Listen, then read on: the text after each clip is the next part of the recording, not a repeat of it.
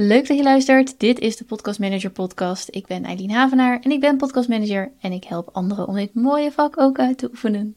Onder andere met deze podcast en met mijn opleiding tot Podcast Manager. En vandaag gaan we het weer over een audiotechnisch element hebben, namelijk de compressie.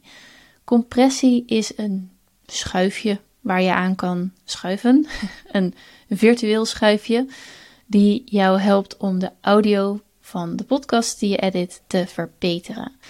En ik zeg wel virtueel, maar ik heb dus wat achtergrondinformatie opgezocht voor deze aflevering. En heel vroeger ging iemand compressie toepassen, letterlijk handmatig, bij een radiostation, geloof ik. En nu tijdens opnames kan iemand dat ook gewoon op zo'n mengpaneel nog doen. Maar wij gebruiken het achteraf. De compressie of compressor is een functionaliteit in bijvoorbeeld Audacity of Descript en helpt je om de audio rustiger te maken. Dat is mijn vertaling ervan. Wat compressie technisch doet, is dat het hard en zacht bij elkaar brengt. Dus de hardste pieken en de zachtste stukjes, die hebben een bepaald bereik. Hè? Dat, dat, dat ligt uit elkaar. En compressie zorgt ervoor dat dat wat dichter naar elkaar komt te liggen, waardoor het de luisterervaring rustiger maakt. Je verkleint in audiothermen het dynamische bereik.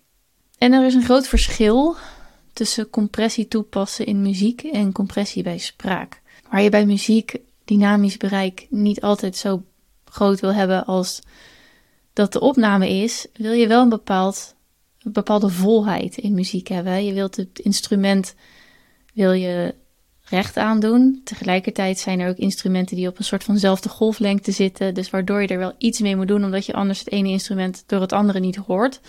Dus daar zit veel meer complexiteit in. Maar als het gaat om spraak, dan wordt spraak, let op, vaak duidelijker als er minder dynamisch bereik is.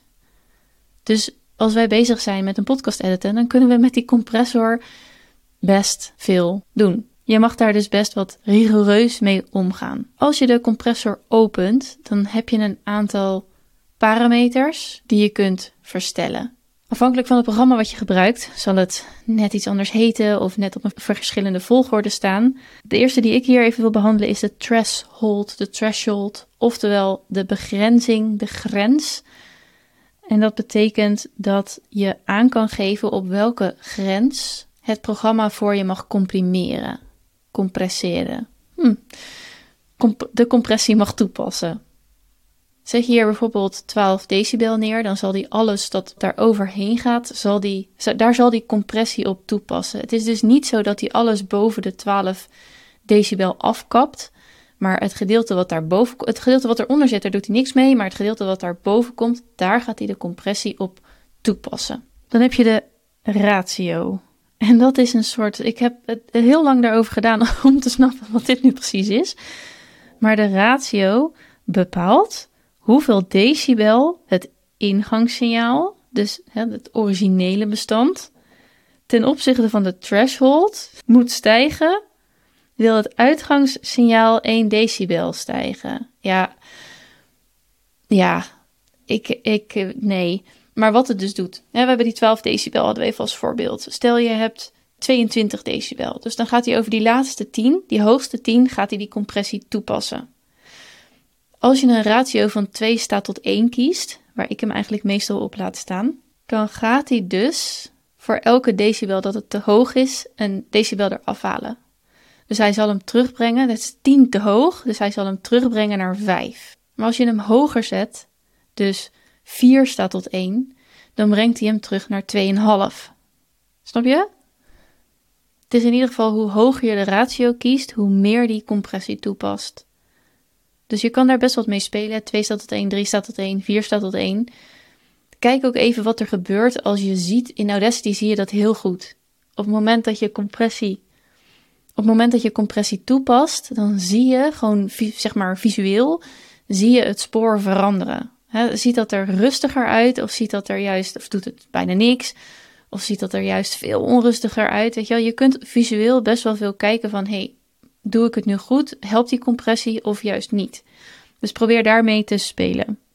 Dan heb je vaak nog de attack, de release en de knee. De knie, zeg maar, de Engelse knie. Een attack is aanval en release is laten gaan. Maar dat, dat zegt iets over hoe snel dit effect, dus de compressor is een effect. Je vindt het ook in Audacity onder het kopje effecten. En in Descript trouwens ook onder effects. Hoe snel die zeg maar moet toesla toeslaan. Het is letterlijk aanvallen. Dus als je, je programma, dus Audacity, ik blijf even bij Audacity voor het voorbeeld. Als Audacity ziet, hey, we gaan over die 12 decibel heen. Dan kun jij zeggen dat die, die compressie ofwel direct moet toepassen. Maar dat kan soms heel, dat kan heel goed werken.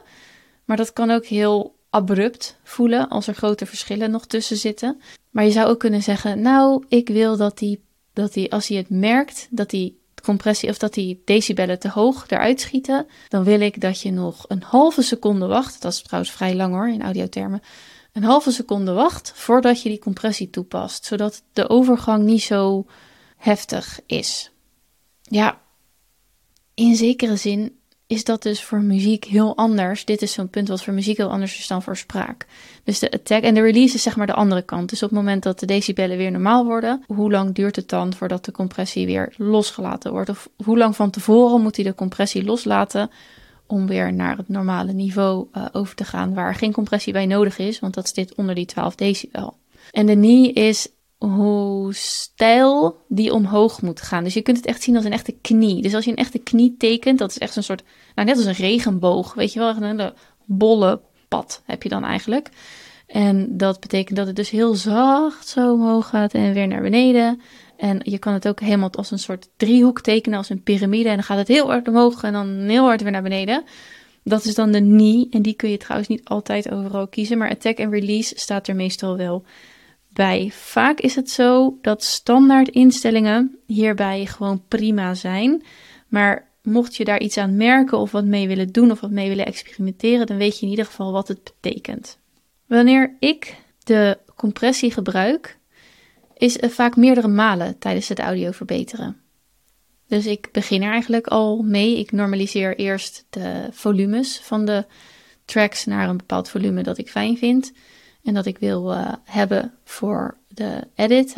Als je dan een stukje afspeelt en je ziet dat de audiometer, de outputmeter tussen de 12 en de 18, uh, min 12 min 18 decibel blijft, dan zit je ongeveer goed. Dus ik doe eerst het uh, volume uh, normaliseren vaak daarop. En dan pas ik compressie toe om te zorgen dat die pieken er, eraf zijn.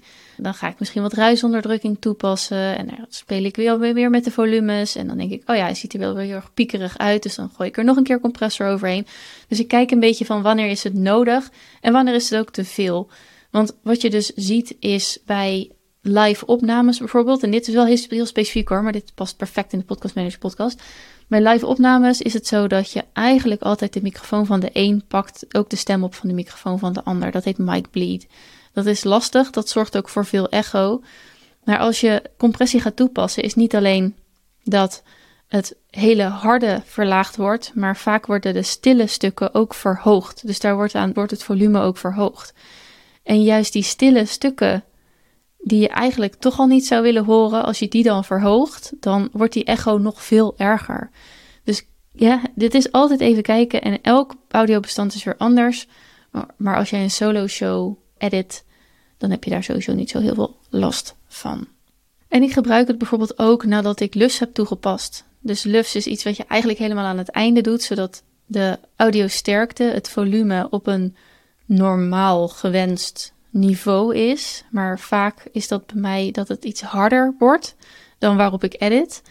En dan schieten er dus toch weer pieken naar boven, wat ik niet wil. Dus dan doe ik er toch nog weer een compressor overheen. Dus ik gebruik het op verschillende punten in het proces. En je zoekt eigenlijk naar een beeld. Ook naar geluid hoor. Je kunt het natuurlijk ook beluisteren. Maar je zoekt eigenlijk naar een beeld waarin die waveform, dat spoor, vrij rustig eruit ziet. Dit is dus wat compressie doet. Nog eventjes waarom je compressie zou willen toepassen. Het is fijner luisteren. Het is wat gematigder. Je hoeft niet zo hard te werken als luisteraar. Omdat gewoon het, dynamische bereik is minder. Dus het, het schommelt minder, zeg maar. De spraak is dus duidelijker. En je haalt daarmee die pieken eruit die je vooral bij plosives hoort. Dus plosives zijn de, de nu ga ik het even voordoen, de de p en de s en de t die heel hard klinken, die kun je daar ook net even wat meer zachtheid aan meegeven.